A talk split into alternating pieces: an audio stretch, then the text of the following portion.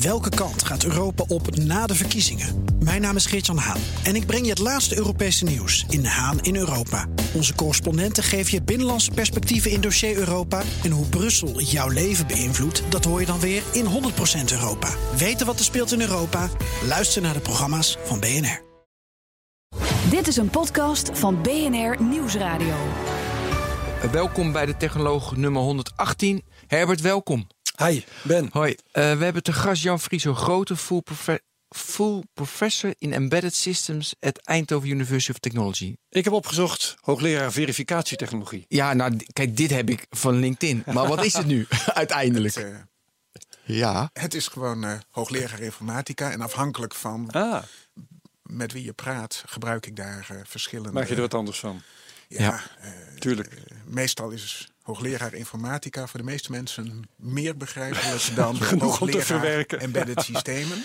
Ja. Maar als je echt vraagt wat ik interessant vind, dan is het natuurlijk de vraag: hoe, eh, hoe krijg je die software zodanig dat je zeker weet dat de software doet wat, eh, wat je van tevoren had verwacht. En dat het niet Ja. na een dag draaien, een uur draaien, opeens weer onverwacht eh, gedrag vertoont. Eh, leuk voor je, voor, je, voor je experimenten, maar voor serieuze software is dat niet wat we willen hebben. Precies. Nee. We gaan het hebben dit uur over gebrekkige software.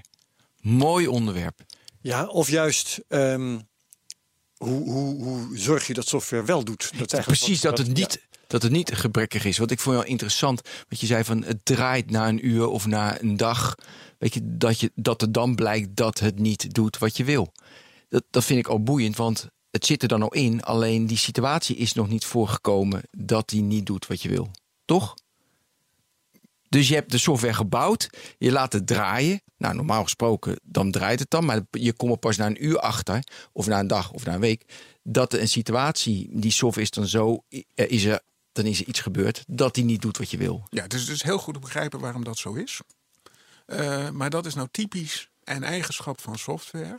Eh, namelijk dat je best kunt denken dat die goed werkt. Want alles wat je ermee geprobeerd hebt, alles wat je getest hebt, doet het. En dan blijkt die onder andere omstandigheden in het veld opeens hele andere dingen te doen. En opeens helemaal niet meer altijd correct te werken. Eh, en dat is helemaal niet zo leuk. Tenminste, eh, het is- dit is iets wat we onder controle moeten krijgen. Ja. Eh, anders staat, om het zo maar te zeggen, de hoge snelheidstrein richting Brussel weer eens een keer stil met de mededeling. eh, eh, er is iets vreemds aan de hand. Ik heb maar op de noodrem getrapt. Dat is dan wat de computer meteen doet als Ja. hij een interne inconsistentie tegenkomt. En dan zeggen die machinisten van, nou ja, één op die tien treinen, ik weet niet precies wat het aantal is, die doet het er niet.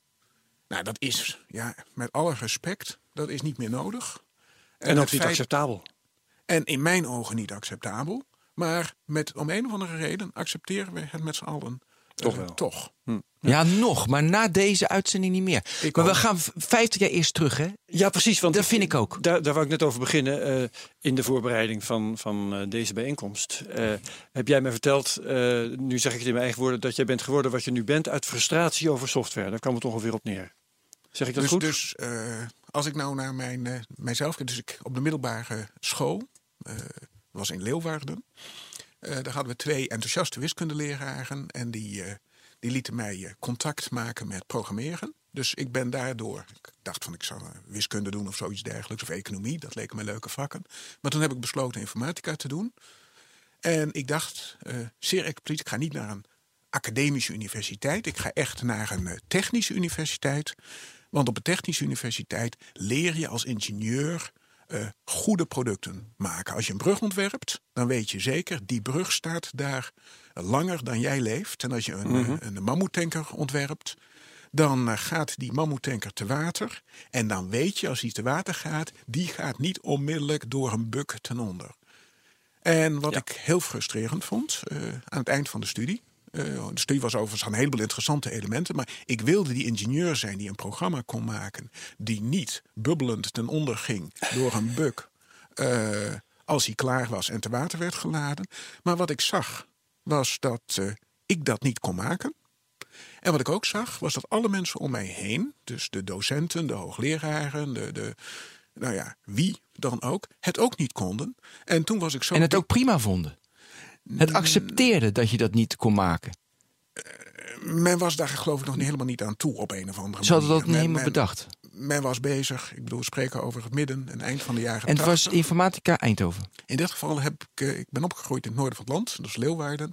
Eh, iemand in Nederland gaat altijd naar de universiteit het dichtst in de buurt. Ja. Ehm, en dat betekent dat ik naar Twente gegaan was. Ik denk dat ik naar Eindhoven had moeten gaan toen. Want op dat moment hadden we Dijkstra in Eindhoven. Ja, dat was wel een hele andere sfeer en een attitude. Dijkstra. Edsger Dijkstra, zeker. Ja, ja, ja. Hey, ehm, en wat, wat mij opvalt aan, aan eh, wat je tot nu toe vertelt, eh, dat is de woorden bug en mammoetanker in één zin. Dat had Cor- Cornelis Verolme ook niet kunnen denken toen hij begon mammoetankers te bouwen.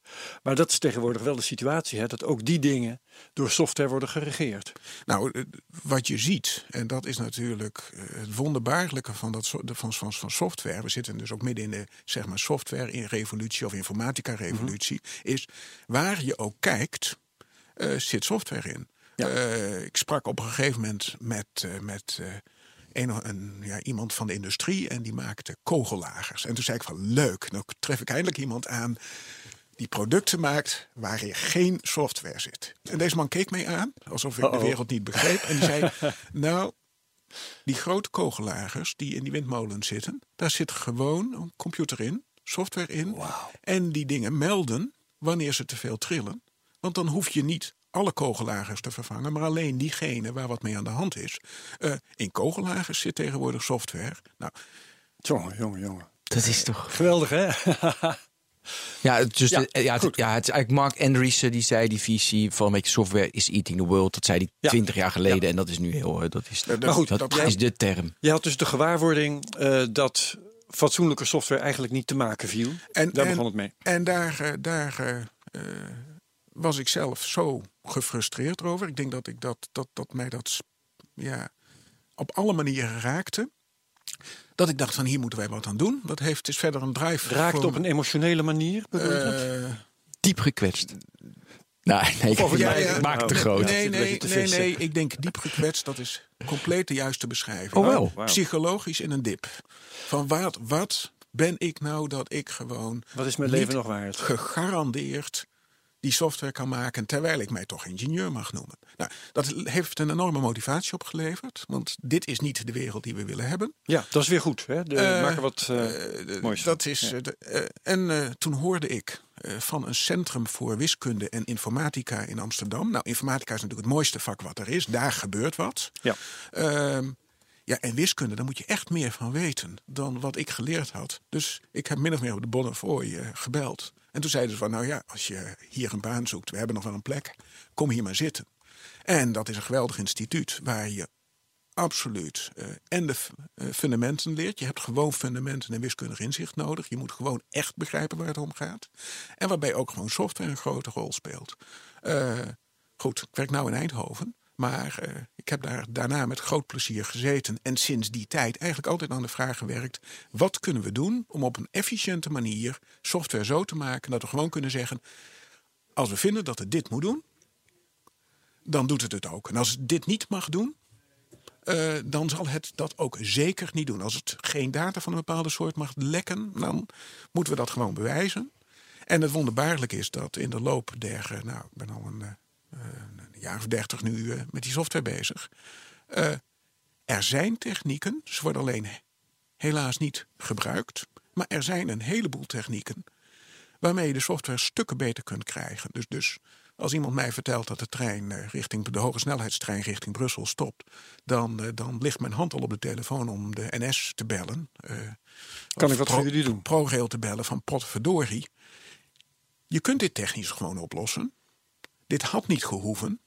En hoezo komt dit nou in de krant? Je moet gewoon die trein laten rijden. Ja, ik wil heel graag weten Dat hoe, maar ik wil, misschien moeten we hiervoor nog even, voordat we we- welke technieken dat er zijn. Ja. Ik vond het interessant, ik las ergens dat je zegt van iedere duizend regels code zitten 10 tot 20, eh, ehm, zitten 10 tot 20, weet je, programmeerfouten. Dat, en dat vond, eh, toen dacht ik van, joh, het is best wel veel, want je schreef ook, er zijn honderden, eh, miljoen tot honderd miljoen regels in een beetje eh, een pakket. Dus ja, ja, dat is best wel veel, van 10 tot 20 op 1000. Uh, is het gewoon mensenwerk om dat van 10 naar 5 te krijgen? Of is het logisch dat de mens dat gewoon niet kan? Dat het altijd, omdat wij niet capabel zijn? Dus er zijn een paar getallen die we over software moeten, eigenlijk uit het hoofd moeten leren. Ja. Uh, dus, dus het eerste is, als je duizend regels, dus, dus de, de huidige manier van werken, als je duizend regels code uh, maakt, dan uh, is 10 tot 50 fouten helemaal niet gek. Als de fouten vaak optreden, worden ze door uh, testen er wel uitgehaald. Dus het zijn allemaal fouten die in die software zitten. Ze zitten er echt. Ehm, terwijl we ze eigenlijk bij normaal gebruik van de software niet zo zien. Dus ook in pakketten als, als nou ja, de standaard Office. desk, Office pakketten, die barsten van de fouten.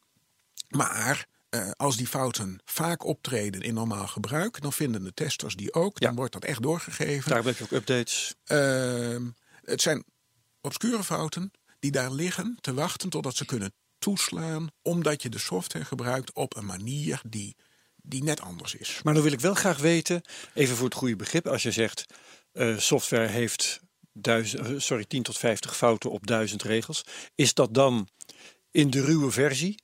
De, ik zou zeggen, de alpha-versie? Of is dat in de commerciële versie die de markt bereikt? Of is dat na tien jaar, als die commerciële versie tien jaar heeft gefunctioneerd en is geüpdate? Dus deze getallen weet ik niet heel precies. Oké. Okay. Uh, maar uh, in het algemeen worden deze getallen gehanteerd voor gewoon normaal werkende software. Functionerende commerciële ja. software. En, ja. en, en waarom, we, waarom we er niet zo'n last van hebben, is omdat die software zo ontzettend veel dingen kan doen. Uh, veel meer dan we ons redelijkerwijs kunnen voorstellen. En ja. dat is, dat is ik bedoel, als je zegt van er zijn veel atomen in het heelal, dan zijn dat kleine getallen ten opzichte van hoeveel mogelijkheden er zijn met software. Nou, er zijn dan situaties in die enorme range van mogelijkheden, die als je die uh, uitvoert, opeens zo'n bug gaan triggeren. En ja. opeens gaat er wat gebeuren. Dat doen de meeste mensen niet. En daar merken de meeste mensen En het is niet ook in de fouten. tests is het niet aan de orde gekomen... omdat die uitzonderlijke situaties niet zijn getest. Want anders waren ze wel gevonden. Uh, omdat wij getallen hier hebben groter dan het aantal atomen in het heelal. En ja. vele malen Je kunt groter. niet elke situatie testen die zich kan voordoen. En je ziet dat iemand 10.000 testen doet. Nou, dat is heel veel.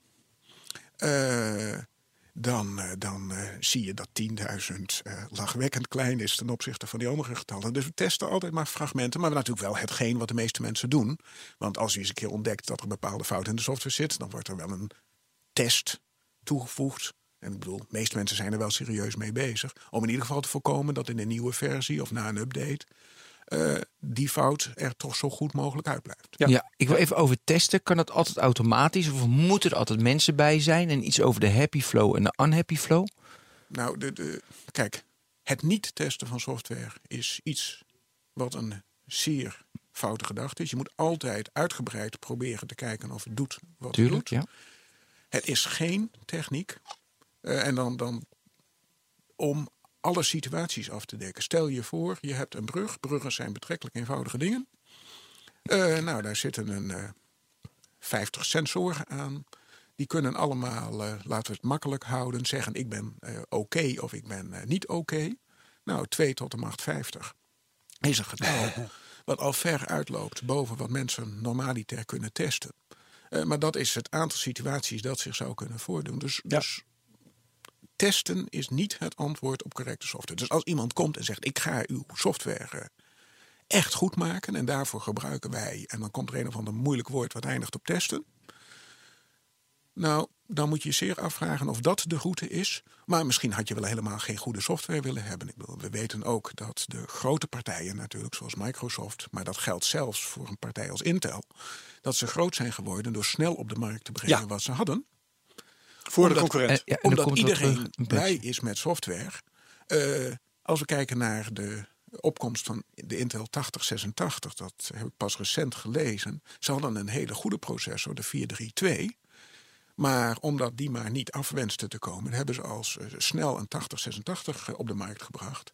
Die werkelijk niet alle eigenschappen had. Maar daardoor hebben ze wel de markt naar zich toe weten te trekken. Dus er zit een verschil tussen wat je verstandigerwijs kunt doen op de markt. Ja. En, en, maar als je echt goede software wil maken, als je trein gewoon niet moet stoppen, als niet op een bepaalde dag de Schiphol-tunnel moet zeggen: eh, ik detecteer hier eh, 65.000 treinen, eh, er is volgens mij iets mis, dan, eh, dan, eh, eh, ja, dan zul je toch andere technieken toe moeten passen dan testen. Het testen is hier gewoon niet het antwoord. Nee, want testen gebeurt ook weer vaak met software. En daar zitten natuurlijk ook weer fouten in. Dus dan. Nee, dat, dat, Niet, dat, dat, is, gelukkig. dat is een, fout, dat is een foute, foute, foute denkwijze. Dus eh, testen gebeurt vaker door mensen. Ja, uiteraard. is- maar je hebt natuurlijk is- ook automatisch testen. Als je automatisch test, eh, als die testers goed werken. En kijk, software werkt onder een heleboel omstandigheden. Dus het merendeel van de omstandigheden werkt zij goed. Dan zal die tester het merendeel van die testen goed uitvoeren. En die kan veel meer testen. Dus testen met software is vele malen effectiever dan testen met de hand als mens. Want je kunt er eh, wel een miljoen of 10 miljoen eh, testen draaien. Je kunt random testen. Je kunt model-based testen. Dat is buitengewoon effectief. Maar het blijft testen. Eh, en het blijft natuurlijk een beperkt aantal, een aantal runs. Ja. Ehm, En heel veel unhappy flows die heb je niet. Die, dus, dus dat is vaak onverwachts. eh, er Die weet je niet. Er zijn een heleboel situaties die in de praktijk wel voor kunnen komen. Maar die men niet heeft bedacht. En Nee. waarvan. eh, dus- dus wij proberen onze software, naast dat we er van allerlei andere dingen mee doen. We maken ook zelf natuurlijk software en dat is ontzettend leuk. Ehm, proberen we op alle mogelijke manieren ook automatisch te testen. Want het is wel vele malen effectiever dan handmatig testen. Du- Dus dat is zeker niet wat je moet laten. Nee. Ik heb eh, eh, in eh, de jaren tachtig, toen ik zo'n beetje afgestudeerd was en begon te werken, begon ik ook van alles te lezen over nou, informatietechnologie bijvoorbeeld. En toen kwam ik het woord softwarecrisis tegen. Nou heb jij in de voorbereiding gezegd dat woord softwarecrisis, dat is eigenlijk zo'n 50 jaar geleden al voor het eerst gebruikt. Ehm, is wa- wat jij tot nu toe beschrijft, is dat die softwarecrisis? Dat eh, de software die wij gebruiken en die eh, zeg maar verantwoordelijkheden heden heeft, eh, dat die in wezen niet deugt? Nou, volgens mij is de. de- de- de- Dus het is eigenlijk heel leuk om, om de historie van de ontwikkeling van computers en software te bekijken. Mhm.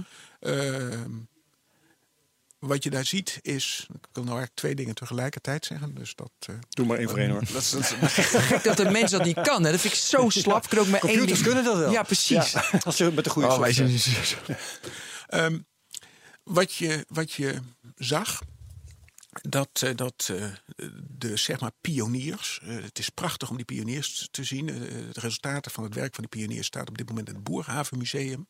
Eh, daar staat de, de Electrologica X8. Prachtig om te zien eh, hoe zo'n computer eh, eh, er in eh, 1965 uitzag. Maar de pioniers die ontdekten dat je kon programmeren, dat je die systemen met instructies, dat je computers met instructies allerlei dingen kon laten doen en moeilijke berekeningen kon laten doen en nog veel meer. In die tijd werden de eerste muziekstukken al gecomponeerd. Daar kwam men ook De eerste achter. spelletjes gespeeld waarschijnlijk ook. En die computers, de, de, de, de eerste Dungeon and Dragons spelletjes die men toen maakte, waren ook eh, eh, eh, op een bepaalde manier spectaculair in, Ja. hun, in, hun simpli, in hun simpelheid en toch in hun, als je vergelijkt wat er nu kan. Ja. En zo rond, rond zeg maar de jaren 60 begonnen die computers ontzettend snel krachtiger te worden. En kwamen deze pioniers erachter dat op de manier waarop je programmeert, gewoon gaan zitten, goed nadenken, programma's schrijven, dat die programma's niet meer eh, altijd deden wat je, wat je moest doen. En in die tijd, eh, dan spreken we over eh, 1968 op een eh, conferentie in Duitsland, is de term eh, softwarecrisis geformuleerd, omdat men toen ontdekte dat men niet meer in staat was op de normale manier tot correcte programma's te komen. Dus er was een grens overschreden eh, die te maken had met het overzicht van een mens. En dat is in feite wat er, dat is dat, ja, heel scherp, eh, want dat is precies wat er aan de hand is. Mensen kunnen gewoon de complexiteit, en dan spreken we al over 1968, niet overzien. eh, van wat, er, wat, de computer, eh, wat de computer doet, dan, dan moet je toch andere middelen, meestal wiskundige middelen, gebruiken. Daarmee hebben we de wereld en de complexiteit van de wereld overwonnen.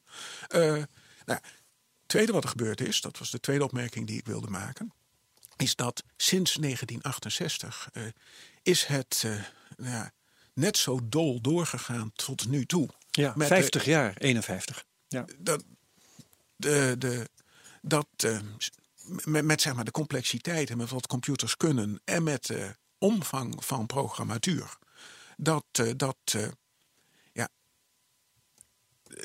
wat toen al een probleem was, is nu in feite een gigaprobleem geworden. Ja. Maar wordt nogal onderges of, of eh, een beetje, beetje eh, eh, weggehouden door het feit dat, eh, dat eh, eh, nou ja, het normale gedrag van die programma's inmiddels zeer uitgebreid getest wordt. Dat werkt wel. Maar je kunt je voorstellen hoe groot die, eh, die software is waar we niet zo vaak komen, waar, eh, nou ja, die het, die het eh, niet altijd precies goed doet.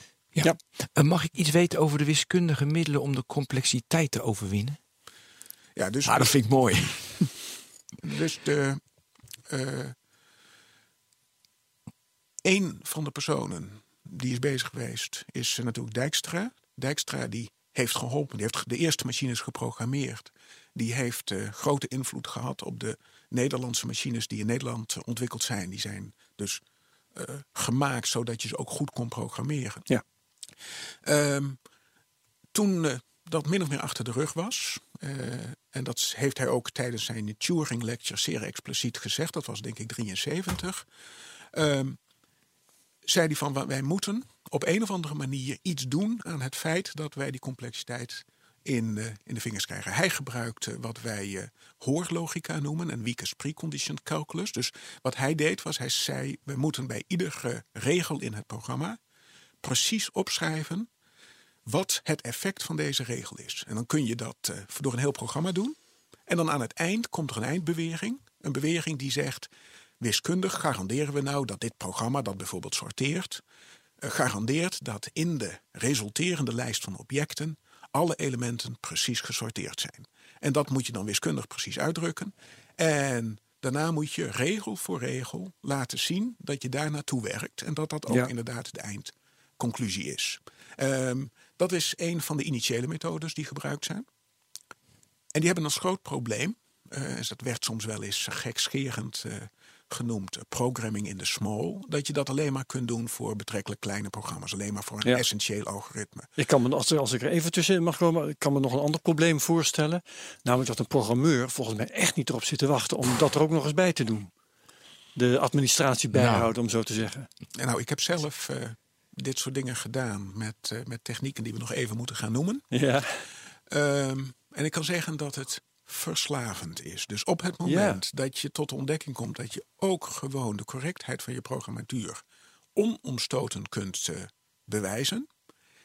En je weet dat als je dat niet doet, dat er, dat, rotzooi uitkomt. dat er toch een kans is dat je niet alle gevallen goed hebt overdekt. Ja, meestal komt er geen rotzooi uit. Programma's doen het meestal, ja. meestal goed, maar die Ja. randgevallen, die, die, ja, maar ja, die randgevallen leiden er toch toe dat, eh, dat eh, nou, recent verhaal, Japanse satelliet, eh één randgevalletje, hup, satelliet, zoek. Ja. En die vlogen de, de of, nou, de verhalen over de Marslanders zijn spectaculair. Precies. Ja, ja, ja. Hoeft maar één foutje op te Een treden. puntje vergeten of dat niveau. Ja. En de Marslander die vliegt ja, in het blauwe hinein, zullen we maar zeggen. Ja.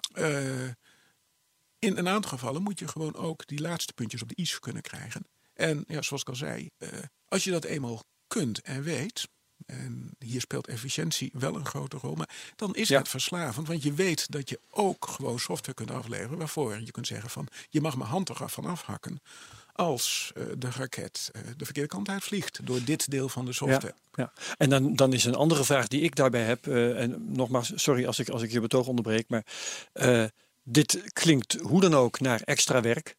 Of extra kosten, op wat voor manier eh, dan ook. En eh, is dat rendabel? Is eigenlijk dan de commerciële vraag. Eh, hangt van de technieken af. Dus we hebben een hele, heel bataljon aan Ja, eigenlijk nog uiteenlopende Ja, technieken. precies. Dit is de eerste nog maar. En dan Precies, komen ja, er ja, nog ja. echt heel veel. Eh, Ga verder met wat je wilde zeggen. Dan komen we er waarschijnlijk maar, vanzelf op. Maar één van de technieken die op dit moment gebruikt wordt, eh, dat is toegepast bij, eh, bij eh, Philips Healthcare. Daar eh, wordt de software model-based gemaakt. Daar worden eigenschappen van bewezen. Niet alle eigenschappen over alle aspecten, maar toch een heleboel eigenschappen over dat de software goed functioneert. Nou, daar zijn we gaan meten. Dus we hebben projecten genomen. Dat is heel moeilijk in informatica, want het, het idee van dubbelblind testen, eh, ja, en, en, en een onderzoek doen met, eh, waarbij je software twee keer maakt en zo. Lastig, daar, eh, lastig, ja. Daar, eh, daar begint helemaal niemand aan. Maar Nee. hier konden we een omstandigheid krijgen waarbij we sommige projecten op de traditionele manier maakten. Waarmee mensen enthousiast werkten op de klassieke manier van lekker bouwen. Er waren een aantal mensen die ontwikkelden de software op de nieuwe manier.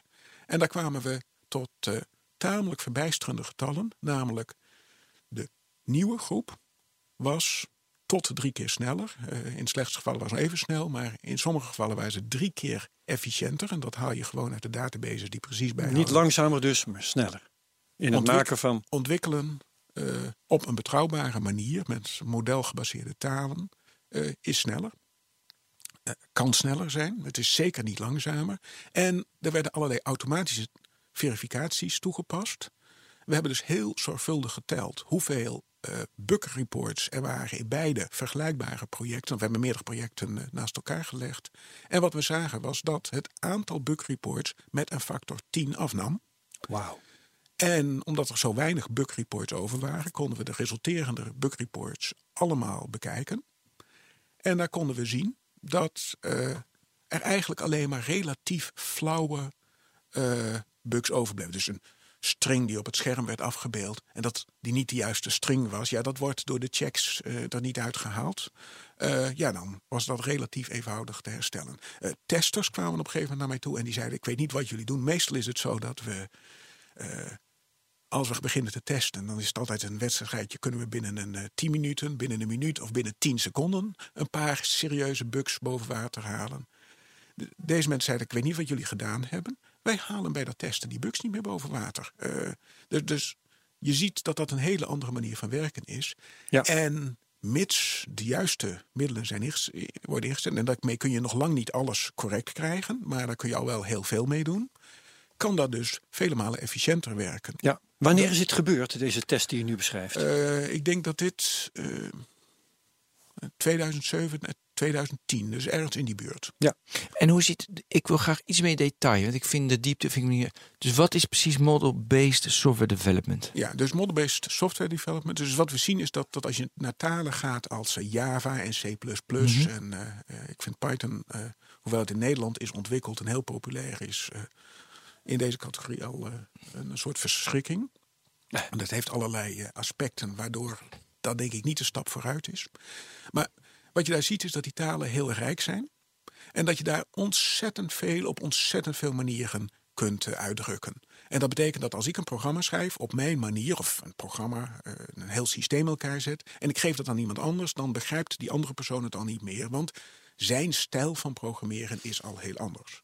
Bij model-based talen zeg je van nee, wij maken voor een bepaald domein, eh, dus in het embedded systemendomein zijn dat de toestandsautomaten, maken we een taal waarin je alleen maar op een hele specifieke manier kunt uitdrukken wat, eh, wat je systeem moet doen. Eh, dus je hebt bijvoorbeeld een state machine taal. Ja. Of, eh, of nou, stel dat je het in een heel ander gebied zou doen.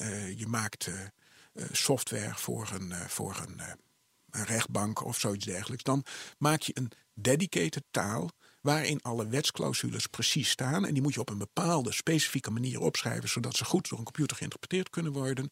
Eh, die kun je dan vaak heel snel opschrijven. Eh, daar kun je vaak veel makkelijker aan rekenen.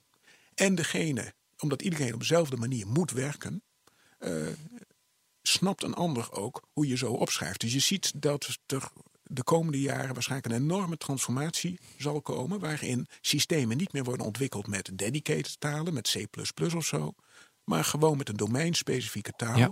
waarin we ook nog van alles en nog wat proberen automatisch te bewijzen, zodanig dat we zo goed als we dat kunnen, weten dat dat systeem werkt zoals we dat verwachten. En ja, zoals al gezegd, dat eh, kan zeer efficiëntieverhogend werken. Ja, ehm, ik vroeg eh, naar de datum van die test van jou. Je zegt 2007 tot 2010 zo'n beetje. hè? Ja, ik ben erg slecht in jaartal, maar dat zijn ongeveer Nee, waarin we dit, dit, dit gedaan hebben. Rondom de tien jaar geleden. Dan ben ik al heel benieuwd wat er sindsdien is gebeurd. Want ik heb nog, eh, si- sindsdien is, dat weet ik dan toevallig, is Windows 10 verschenen. En daar heb ik nog steeds maandelijks updates van. Dus die is verre van bugvrij. Dus Microsoft heeft nog niet naar jou geluisterd. Dus Microsoft, Wie wel? eh, Microsoft is wel heel erg geschrokken. Heeft, als, uh, heeft ook een aantal onderzoekslaboratoria uh, opgericht. En is in die laboratoria ook met dit soort technieken bezig.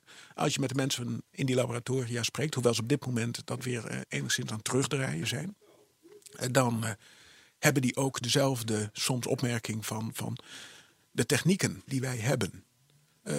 die zouden veel goeds doen. Maar helaas zijn de productieafdelingen nog zo druk met klassiek programmeren zoals ze dat altijd deden. Dat ze zeggen, nou, daar denken wij niet over na. Of dat lijkt ons wel heel ingewikkeld. Of moeten wij dat allemaal leren? Uh, voorlopig hebben we nog niet zo'n groot probleem dat wij dat overnemen. Dus je ja. ziet dat in de productie bij Microsoft dit niet naar, uh, naar binnen gehaald is. Uh, we zien dat uh, een aantal bedrijven, met name ja, bedrijf als ASML, waar ik één dag per week werk, op dit mm -hmm. moment dit, dit aan het overnemen is. En op dit moment een van de grootste voortrekkers is. Snel gaat het niet. Uh, maar men is op dit moment bezig om hele stukken van de bestaande software die op uh, de klassieke manier gemaakt is, om die te vervangen door model-based gemaakte software. Omdat men ziet dat dat men dan niet zo vaak meer reparatieteams ja. door de hele wereld hoeft te sturen. Dus echt, uh, zoals dat heet, legacy software botweg vervangen door helemaal herschreven software.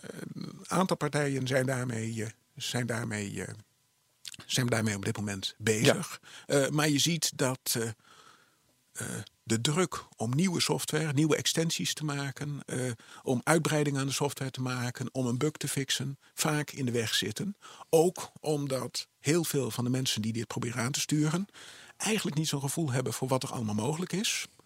En ja, dan blijven ze toch voornamelijk bij hun dagelijkse zorg. Ja, dus we dus, weten wat dus, we hebben en we moeten toevallig nog uh, ja. uh, deze boodschappen doen. Dat dus is doen maar op de oude en, en ja, dus, dus, dus er zijn dus het klinkt als een paradigmawisseling die nog eventjes uh, vol, vol, voltrokken moet worden. Maar even een, een populistische vraag. Als je nu, uh, dus Windows is klassiek opgezet.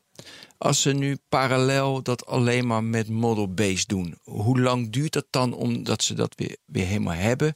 Kan dat? Waarom doen ze het dan niet? Uh, want ze hebben geld genoeg als het zoveel beter is. dus, dus hoe lang dat precies zou hoe, hoe, hoe, dus we spreken hier over systemen, nou Windows, 300 miljoen regels code of zoiets dergelijks. Uh, Your guess is as good as mine. Ik zal er vast niet heel veel naast zitten. Ja, worden uh, vergroten. De, de, als je dat op een gegeven moment helemaal opnieuw moet bouwen, ook al heb je daar een team van 10.000 man zitten, dat, uh, dat zijn operaties die zijn grandioos. Uh, dus je kunt alleen maar beginnen om stukken te pakken. Maar ja. op het moment dat je, uh, dat zien we ook bij die andere partijen, als men een stukje aanpakt, dan blijkt dat als een soort, soort nou ja, gezwel uh, met allerlei uitlopers. Ja, allemaal spaghetti, je allemaal, doet dit, dan verandert het daar. En dus, dan komen ze niet dus, meer uit. Dus het zijn gigantische operaties die niet ja. simpel zijn. En als je herinnert hoe iets als Windows ontstaan is, daar zijn ook wel boeken over geschreven, dan is dat waarschijnlijk een speciaal problematisch geval. En ik uh, denk dat, uh, dat, uh, dat men zelfs als men het opruimt uh, en op de klassieke manier dat men nog jaren bezig is. Dus omdat het zo ontzettend groot en complex, dat, dat, dat snappen wij niet, want die computers zijn zo klein. Maar ja. de, de, de, omdat het zo ontzettend groot en complex is, zijn dit giga-operaties. Windows kan natuurlijk zeggen. of Microsoft kan zeggen van, van, van we gaan er maar gewoon helemaal opnieuw beginnen. Maar ja, er zijn zoveel functionaliteiten, zoveel functionaliteit in Windows gestopt. Dat ga je ook niet binnen een beperkte tijd helemaal opnieuw doen. Dus, dus, dus daar is een enorm probleem over hoe je dat goed aanpakt. Ja, en ik ben er wel nieuwsgierig naar. Want ik, één anekdote weet ik van Facebook dat ze na een jaar alles hebben weggeflikkerd, alles, alles opnieuw hebben opgebouwd. Want ja, dat was natuurlijk een pok en pilot. Na een jaar ging dat misschien nog. Nog, maar daarna niet meer. Dus, nee. hoe ga je, dus hoe ga je daar mee om met al die legacy systemen? Wat is verstandig? Um, stukje voor, uh, ja, stukje voor stukje aanpakken. Uh, want wat je hebt daar in software, dat is gewoon de waarde van je product. Uh, dus dus drastisch opereren werkt meestal helemaal niet. Er zijn een aantal voorbeelden van, ja, na een jaar zou dat nog kunnen. Maar als je gewoon 20, 30 jaar een product in de markt hebt, dan moet je gewoon beetje voor beetje beginnen. Dus er zijn andere gebieden waarvan ik denk, daar, daar kun je meer voortgang maken. om een Microsoft en een Windows geheel te herzien, ja, dat, dat, dat is een operatie. Dat is misschien dat ze dat over een jaar. Dat maak ik waarschijnlijk niet meer mee. kun je misschien beter van de grond af aan opnieuw beginnen? Ik denk dat daar uh, paardenmiddelen moeten komen. Misschien dat er op een gegeven moment een wet op de operatingsystemen moet komen. Waarbij gewoon gezegd wordt. Als er een operatingsysteem uitkomt en je kunt bewijzen dat er een ongeluk ontstaan is door het niet goed functioneren van een operatingsysteem, dan uh, mag je dus gewoon een miljoen. Dan, dan is, gaat, uh, gaat de maker van het operatingsysteem jou vergoeden. Nou, dan zou er wat gebeuren. Als wij niet dit soort drastische maatregelen voorstellen, dan krijg je een kolos als Microsoft, maar het geldt natuurlijk ook voor alle andere partijen, echt niet in beweging. Nee. Mhm. En uh, ik zit even te denken, hè, je hebt dus uh, kleine systemen zoals Facebook na een jaar, nou ja, klein, relatief klein, dan gaat dat misschien nog wel. Windows aan het andere uh, eind van het spectrum, dat gaat niet. Daartussen heb je natuurlijk van alles en nog wat. Van systemen die best Herbert, wel heel ik denk aan zijn. banken, ik denk ja, ja. aan verzekeringsmaatschappijen, Maar hier is mijn telecom. vraag.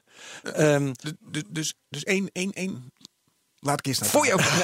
Wat doen we? Eerste vraag. ik, ik stel de vraag, dan mag, dan mag jij, eh, Jan Frieso, eh, mij eh, al of niet negeren. En voor mij part je eigen vraag vertellen. Maar mijn vraag die zou zijn, wat is nou slimmer?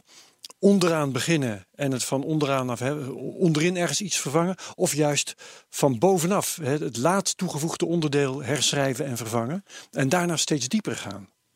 Ehm, dus ik denk dat, dat de mensen die met software bezig zijn, er overzicht over hebben, die kunnen vaak wel naar de juiste, de juiste stukken kijken en zeggen van nou hier is een stuk, daar moesten we toch sowieso toch wat aan doen. Ja. Dat pakken wij nu aan. Is redelijk zelfstandig. Maar, er, maar er, er zijn, er zijn eh, andere gebieden waar we veel meer kunnen bereiken. Dus eh, tot mijn stomme verbijstering is de afsluitdijk de afgelopen eh, maand een paar keer s'nachts afgesloten omdat ze de software moesten testen, want er waren rare dingen mee aan de hand. Eh, software in eh, bruggen, sluizen, dat is allemaal relatief eenvoudig. Software die de essentiële functies van een trein bestuurt, dat zijn ook zaken die relatief simpel zijn. De spoorwegbeveiliging op dit moment, ik bedoel, dan spreken we ook over eh, brokken software van vele duizenden regels code. Ik bedoel, Ja. Simpel is het nergens meer. Maar daar, zitten, daar, zit een, eh, daar zit code waar we echt wat mee kunnen. Dat hebben we ook gedaan. Dus eh, een hele andere techniek dan de model-based techniek die ik net noemde en het bewijzen van de modellen, is het gebruik van wat satisfiability checking heet. Dat kun je bijvoorbeeld toepassen op eh, PLC's, Programmable Logical Controllers. Die worden overal waar een machine staat tegenwoordig toegepast.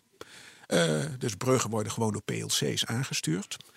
En wat je kunt doen is de software zoals die er is, vaak zijn dat, is dat safety code, volkomen van begin tot eind doorrekenen. Dat hebben we al in de midden jaren 90 laten zien. de software die er al is, die kun je doorrekenen. De- de- en dan spreek je niet over, over een model, dan spreek je over, echt over de source code. Mhm. Eh, we hebben het eh, recentelijk voor Rijkswaterstaat, na discussies eh, over de, de ketelbrug die spontaan eh, opengegaan was, hebben we laten zien dat we dat bij Rijkswaterstaat konden. Eh, dus we hebben eh, een brug, de Algera-brug in Rotterdam, helemaal op source code niveau doorgerekend. En wat je daar ziet is, en ik ga niet precies vertellen wat we, wat we daar gevonden hebben, want dat wil Rijkswaterstaat niet. Maar wat, wat je daar ziet is dat je kunt laten zien, en dit is min of meer voor de gedachtevorming, het is niet precies wat er aan de hand was, dat er intervallen zijn van een paar seconden waarin de brug opeens iets doet wat duidelijk niet de bedoeling is. Eh, en dat komt vaak alleen maar voor, eh, in dit geval konden we dat helemaal laten zien, wanneer er ook een storingje ergens optreedt. Dus ergens kan een storing optreden en opeens kan het zijn dat, nou ja, stel maar voor eh, dat de bomen dichtgaan terwijl de lichten nooit gebrand hebben, de waarschuwingslichten nooit gebrand hebben. Of dit was zeker niet aan de hand dat de brug uit het wegdek kon komen. Dat, we hebben dat zorgvuldig gecheckt en dat was geen fout bij deze brug. Eh, terwijl de bomen helemaal niet gesloten waren. Ja. Ehm, dat kun je er gewoon technisch uithalen. En dat, eh, ja, je moet de eisen aan je software heel precies weten op te stellen. Je moet natuurlijk precies weten wat mag wel, wat mag niet. Wat, eh, dat moet je zorgvuldig in kaart brengen. Dat is niet makkelijk. Dat blijkt voor heel veel mensen moeilijk te zijn. Maar als je dat kunt, dan kunnen wij dat technisch bewijzen. Wat ik een beetje verbijsterend vind, is we hebben gewoon de rapporten keurig afgeleverd, dat een organisatie als Rijkswaterstaat dan de afsluitdijk afsluit. In plaats van dat zij die software naar ons toesturen. Of dat we met z'n gezamenlijk bezig gaan om dat door te rekenen. En gewoon die fouten daarin op een moderne, effectieve manier aan te wijzen. Sluit men de afsluitdijk s'nachts af. Mag er niemand meer overheen. Heb je allemaal maatschappelijke schade van mensen die uh, om, uh, om het IJsselmeer moeten rijden. Uh, simpelweg, en dat is een heel groot probleem omdat de mensen bij Rijkswaterstaat gewoon niet goed genoeg begrijpen hoe die technieken werken. En daardoor niet in staat zijn om binnen de organisatie te zeggen van let toch op jongens, er zijn technieken die werken. Ja. Met andere woorden, dit haal ik uit jouw verhaal. Het afsluiten van de afsluitdijk om software te testen op gebreken, die, dat is niet nodig. maar wat hebben ze die nacht dan gedaan? Uh, ze hebben gewoon een aantal, uh, volgens mij hebben ze een aantal sensoren getest. Dus een aantal sensoren gewoon uh, een storing laten geven. En gekeken hoe die software daar dan op zou reageren. In de hoop dat men kon vinden wat er aan de hand dus was. Het, het ouderwetse testen. Gewoon weer een paar situaties Absoluut. erin voeren. Men heeft gewoon, uh, nou ja, hoeveel kun je testen gedurende de nacht? Uh, ja. Ik denk dat je een paar met, honderd situaties, schat ik. met honderd testen wel, wel klaar. Nou, dat heeft, daar kom je niet door al die potentiële scenario's heen die die software kan doen. Dat komt niet in de buurt. Ja. En er zijn die andere technieken. Dus we hebben het ook bij de spoorwegen gedaan. Uh, en daar, nou, daar kan ik een concreet geval noemen waarbij de spoorwegen ons bezworen hebben dat dat nooit op de baan heeft gestaan. Maar we hebben het wel uit de software gehaald. Er miste één regelcode. De centrale computers gaven aan dat de seinen naar een bepaalde kleur moesten. Het veiligheidskastje, door een onmiskenbare softwarefout, stuurde de seinen op de baan naar een andere kleur. Haal je er in een check die secondes duurt, uit de software voor alle mogelijke scenario's die zich kunnen voordoen in de software. Dat kan technisch. Ja. En waarom de NS dit niet gewoon systematisch op ieder emplacement toepast, ik weet het niet. Ze weten, er zijn mensen die weten dat die technieken er zijn. Maar binnen zo'n organisatie is het ontzettend moeilijk. Het is volgens mij op dit moment een veel grotere uitdaging dan het gewoon technisch even doen. Om, uh, om de mensen zover te krijgen dat ze begrijpen dat deze technieken echt werken. Ja. En om ze binnen de organisatie toe te passen. Ja, ja over het menselijke aspect wil ik straks, straks maar iets meer over dat doorrekenen van de source code, dus die technieken.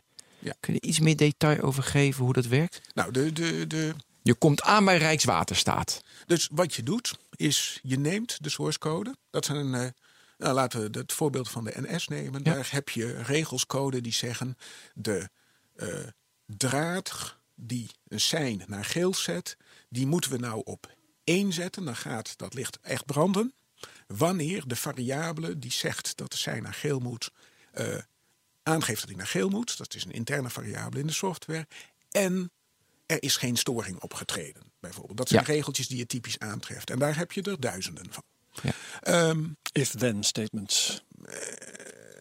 zelfs nog simpeler in die safety PLC's. Alright.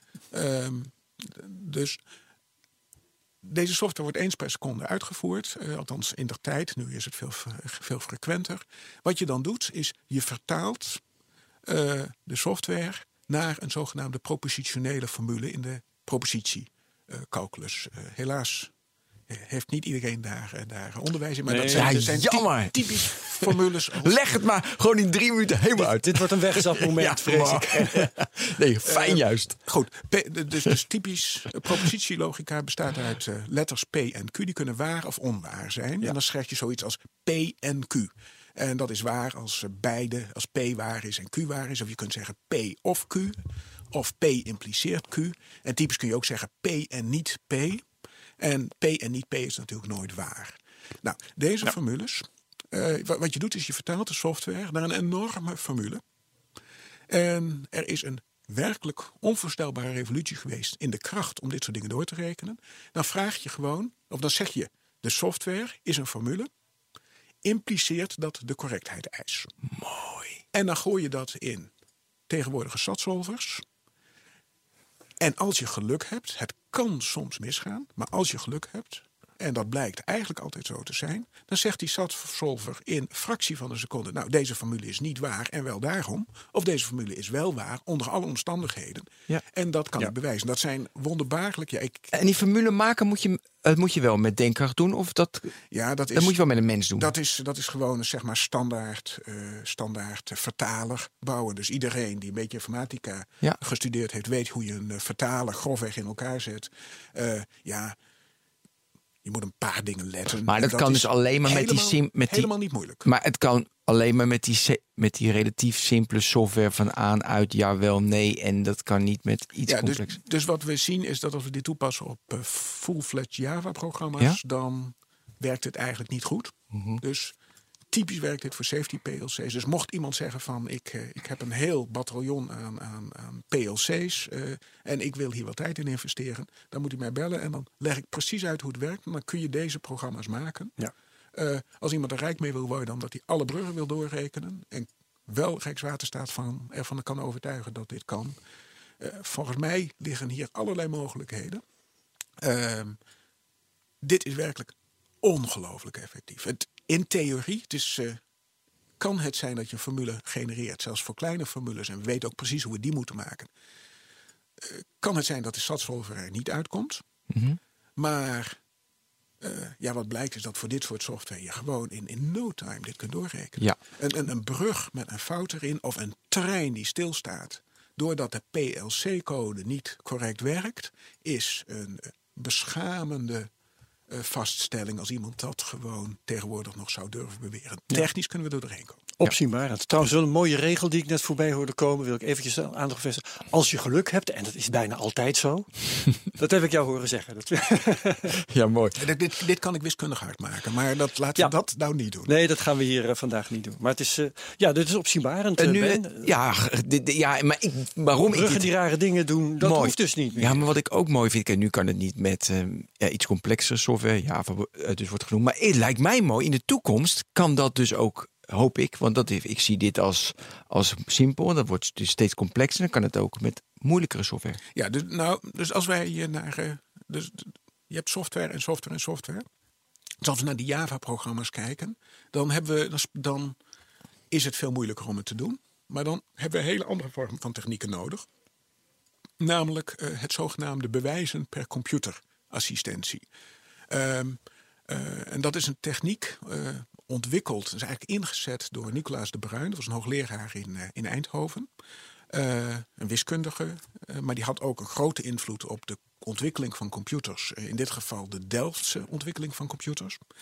En die stelde vast, en hij was eigenlijk zelf meer geïnteresseerd in de wiskunde, dat, dat, dat ja, wiskundige bewijzen, als een wiskundige die levert, dan zijn die toch eigenlijk niet heel erg betrouwbaar. Er is een mooie anekdote over het eh, vierkleurenprobleem. Vierkleurenprobleem zegt dat als je een landkaart hebt, eh, een willekeurig landkaart, dan kun je die. eh, dan is de vraag: kun je die altijd kleuren met vier kleuren? Als je de Ja. landkaart van de wereld pakt, dan kan dat met vier kleuren. Maar als je nou een willekeurig landkaart zou hebben, kan dat ook altijd met vier kleuren. Of heb je vijf? Nou, vijf is simpel, dat kun je zien. Drie lukt je zeker niet. Maar dit, dit staat dus begin 1800 geformuleerd, bekend als het vierkleurenprobleem. Het vier- vierkleurenprobleem, eh, daar zijn bewijzen van geweest. Dus er waren de wiskundigen die zeiden: ja, we hebben alle gevallen bekeken en we denken dat we nou een bewijs hadden. En dan tien jaar later, eh, je kunt prachtig op Wikipedia lezen hoe dat, hoe dat, eh, dat de stelling bestond en dan weer stuk was en dan weer bestond. Ehm,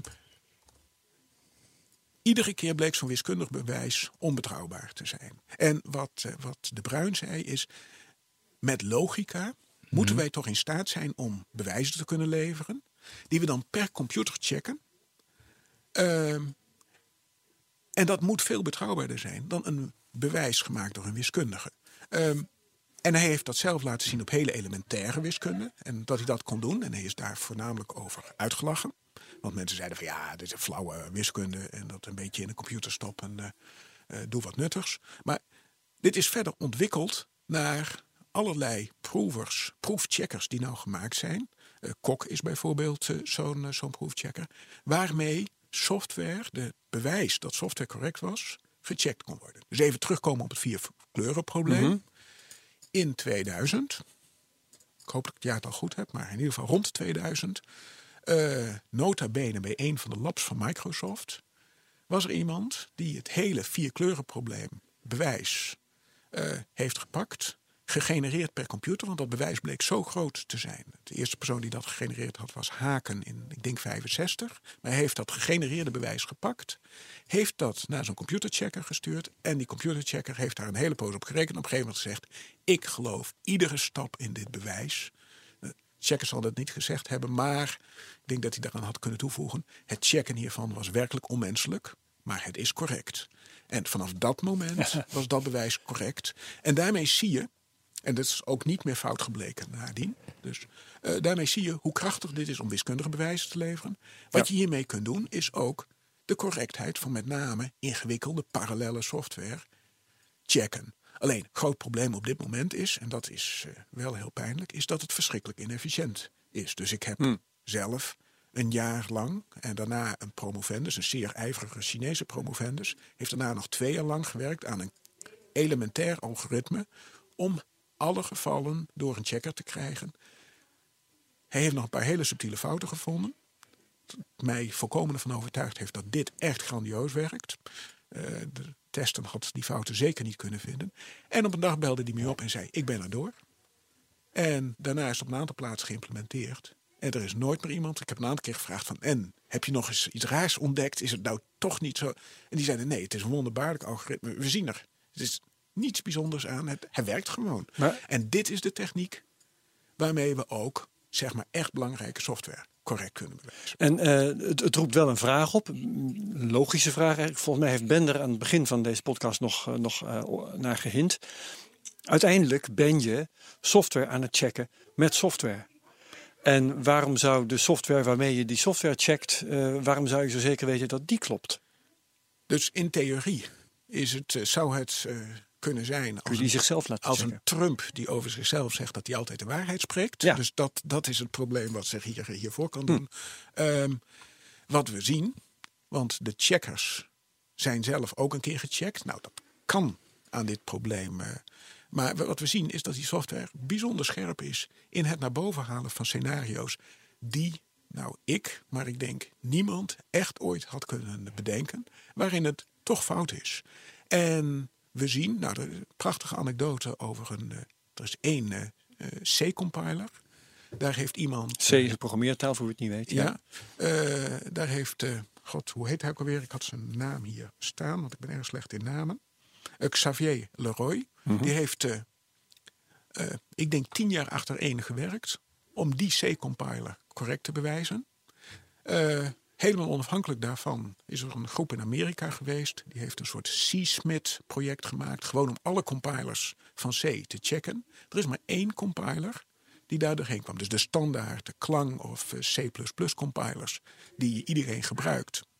Die eh, faalden in de zin dat er allerlei testen niet werkten. Wat je kunt zien is dat alleen deze gecheckte C-compiler het wel doet. En dat laat ook de kracht van de technieken zien. Dus ja, in theorie zou het zo kunnen zijn dat de techniek niet zouden kunnen werken. In de praktijk is eh, het grootste probleem dat het toepassen hiervan nog zo inefficiënt is dat ik niet kan aanraden om onmiddellijk als bedrijf te zeggen van nou laten wij een nieuw operatingsysteem maken en dat maar eens helemaal correct gaan bewijzen op deze manier. Eh, maar we zouden wel alles op alles moeten zetten om deze methode zo efficiënt te krijgen. Want dit is de manier om naar echt stabiele software toe te gaan. Ja, ja, en we hebben dus twee dingen besproken eigenlijk. Hè. Dat is misschien belangrijk om, om even op te merken. Technieken om software te maken die deugt. Dus dat je tijdens het maken van de software al zorgt dat het in orde is. Dat doe je dus vanaf nu met, met nieuwe software, stel ik me voor. Dat wil zeggen, dat zou, dat, je zou hopen dat dat ging gebeuren. En je hebt de technieken om software die al bestaat aan een onderzoek te onderwerpen. Dat is waar je het nu ne- net op het laatste over had. Eh, nou, hier heeft men gewoon de C-compiler gemaakt. Dus, dus, dus die C-compiler was gemaakt. eh, eh, eh, en die heeft men ook, omdat men natuurlijk wel problemen vindt bij dat bewijs, min of meer parallel Ja. gemaakt aan dat bewijs. Dus hier. Nee, goed. Dat is dan een detail van het voorbeeld dat je noemde, maar dat zijn, het zijn twee verschillende dingen. Hè. Eh, correct programmeren is één en ge- geprogrammeerde software checken, dat is twee. eh, dus de manier waarmee je. Ik bedoel, legacy software is inherent zo'n groot probleem. Mhm. dat de manier waarop je met legacy software omgaat, wordt niet simpelweg beantwoord door er bestaan nieuwe technieken Nee, nee. eh, ja. die je zou kunnen gebruiken. Dan moet je gewoon echt in een hoekje beginnen en heel voorzichtig Ja. de technieken toepassen. Eh, ja, op het moment dat je te maken hebt met honderden miljoenen regels code en daar zit gewoon je core business in, eh, ja, dan, dan denk ik dat, dat er nog een heel ander probleem op te lossen is dan wanneer je zegt ik ga een nieuwe Vira programmeren en ik moet daar gewoon de code in, in, in, in maken eh, en die moet goed zijn. Ja. Eh, dan zijn deze technieken volgens mij eh, op allerlei plekken direct toepasbaar. Tenminste, als je die PLC's gebruikt. Ja. Op het moment dat je naar complexere programma's hebt, zoals Java, daar, dan moet je zeer de afweging maken. Wil ik er zoveel tijd in steken om die correctheid te bewijzen? En vaak is dat op dit moment nog niet rendabel. Juist. Ja. Ik vind met die legacy content, eh, content zeg ik, eh wordt software ook heel lastig. Eh, dus qua business. Want ja, het moet, je moet in kleine hoekjes moet je het verbeteren. Maar ja, hoeveel doe je? De aandeelhouder vindt het echt niet interessant. Weet je, want ja, het moet goed zijn, het moet werken. Dus je zit constant van hoeveel doe ik wel? Wat merkt de klant? Wat merkt de klant niet? Nou, dus, dus, Ah, dat zijn echt lastige. bes- Ja, dat is lastig. de, de, de, de, dus op dit moment is het zo, en dat is natuurlijk gewoon zoals de wereld in elkaar zit, is dat als je software redelijk goed is, en de meeste software Dan is die het we goed gebruiken, genoeg. Dan, dan is dat goed genoeg. Ja. Als daar dan verder geen eisen aan zijn, dan hoeven we ook geen stap verder meer te maken. Dus Ja. eh, dit is veel meer een sociaal probleem. Namelijk, hoe krijgen we daar waar het ertoe doet, Ja, Ja. eh, de, de samenleving zover dat men zegt van eh, het kan natuurlijk niet zo zijn dat we een nieuwe kernreactor bouwen. Eh, waarin software zit die niet door en door geverifieerd is. Overigens wordt er volgens mij nog geen kernreactor gebouwd waarin dit soort technieken Dat is worden dan toevallig toegepast. makkelijk. Ja. Eh, Maar waar levens mee gemoeid Ja, zijn. met de dus NS, verkeer, want we moesten het menselijke aspect, dat hebben we net overgeslagen, bij de NS, Rijkswaterstaat, dat ze er niet aan willen. Dat was nog eh, een betoog. dat, is, dat is op dit moment wat ik Niet zie. Dus afmaakt. men, men, men is zo, zo ja, bezig met het feit dat er software is. En men wordt daar zo door overvallen. En het is voor veel van die mensen die in dit soort organisaties werken zo nieuw. Dus die hebben dan eh, civiele techniek gestudeerd. En die zien opeens dat er een wereld voor ze open gaat. En die zijn tien jaar aan het werk om alleen maar te verwerken wat er allemaal met software kan. Voordat ze er zeg maar proactief over na gaan denken. Ja. Als ze daartoe al de state of mind hebben. Dan blijkt dat dat heel vaak niet zo is. Als je geen zeg maar, softwareopleiding hebt, dan, dan is er iets waardoor die software niet in je hoofd doordringt. En, en dit soort organisaties maken dus die slag niet.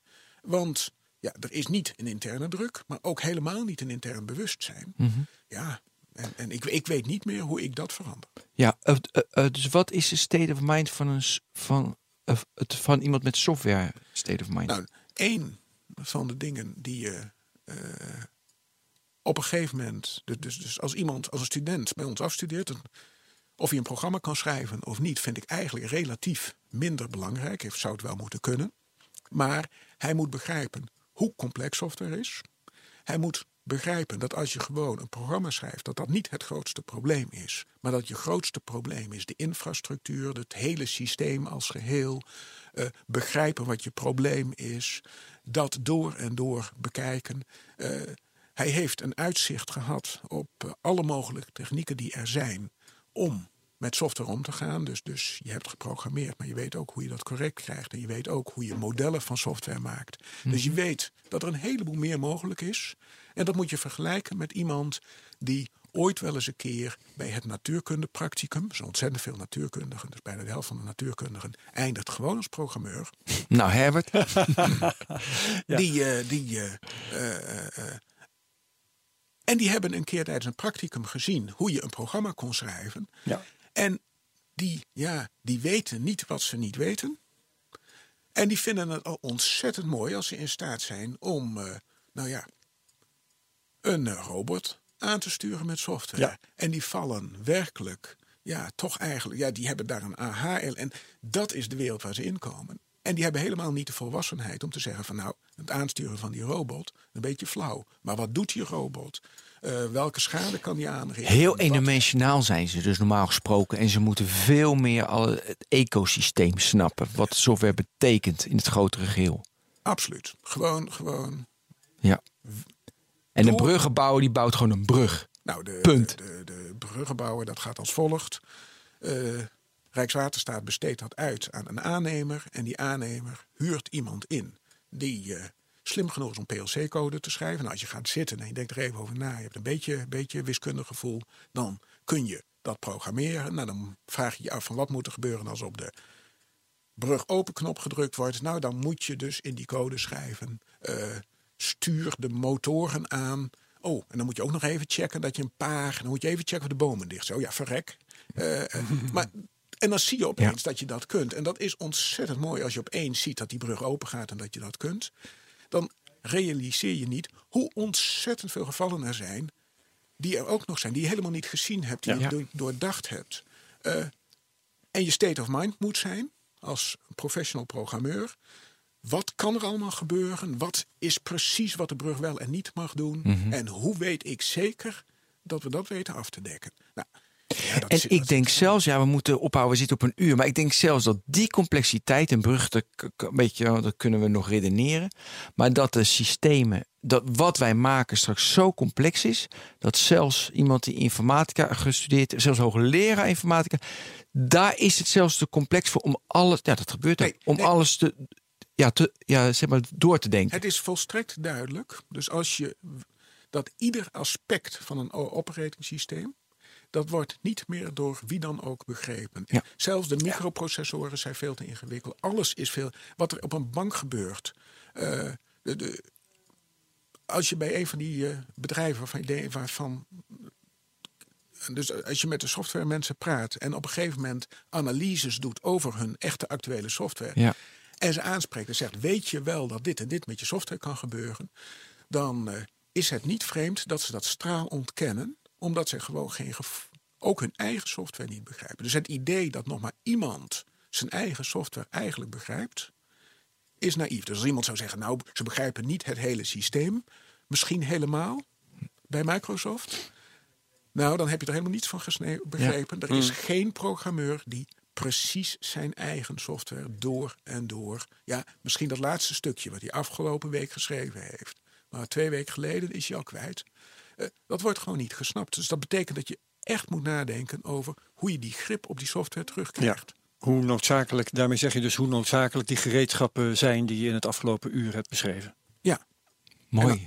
En als we kijken naar hoe de ontwikkeling verder gaat, dan. eh, dus in de afgelopen 50 jaar hebben we een dramatische versnelling gezien wat er met de computers gaat gebeuren. Ja, dat in de toekomst gaat dat gewoon, tenminste voor zover ik dat kan zien. Dus als student dachten we al, het is nou wel gestopt. Dat is ook een geweldige machine, maar dat is, eh, dat is 30 jaar geleden. Software is af. Maar dat is helemaal niet gebeurd. We zitten nu in dezelfde situatie. Er komt ook wel eens iemand tegen mij, eh, bij mij en die zegt, nou, vanaf nu, die processoren worden niet meer zo sneller. Het zal nu wel gestopt Ja, zijn. werd Vermoor stopt. Wat je, wat je hoort. Eh, ja, iedereen binnen het veld die ik spreek zegt eh, en die gewoon bezig is met de, bijvoorbeeld de ontwikkeling van nieuwe, nieuwe, nieuwe hardware, zegt nee hoor, het gaat gewoon door. Zolang als wij leven, eh, gaat dit verder. Dus eh, we zullen zien dat, eh, dat waar we nu computers hebben die ongeveer equivalent zijn aan wat het menselijke brein kan. Weten we niet helemaal zeker, want we kunnen het niet goed vergelijken. Maar ik denk dat we daar wel zitten. Spreken we over een, een tiental jaren over gewoon een computer die de kracht heeft van 100.000 breinen. En dat zit gewoon tegenover ons. En dat In je broekzak. ons, eh, Neemt beslissingen voor ons. en dat wordt toegepast op plekken waarvan wij nu nog niet kunnen voorstellen waar we dat, eh, dat. En dat gaat wel allerlei dingen autonoom doen. Gemaakt door programmeurs die, als wij er niks aan doen, dus hun eigen code eigenlijk niet eens helemaal doorzien. Dus die code, die meestal altijd doet wat goed is, ja, die heeft die uithoeken waarvan we niet weten wat daarmee moet gebeuren. En wat er, wat er gaat gebeuren. Top. Nou, eh dankjewel. Eh, Herbert, bedankt. Dit Ja. was Technoloog 118, Jan Frieser Grote, hoogleraar informatica. Hartstikke bedankt dat je er was. Tot de volgende Technoloog. Bye.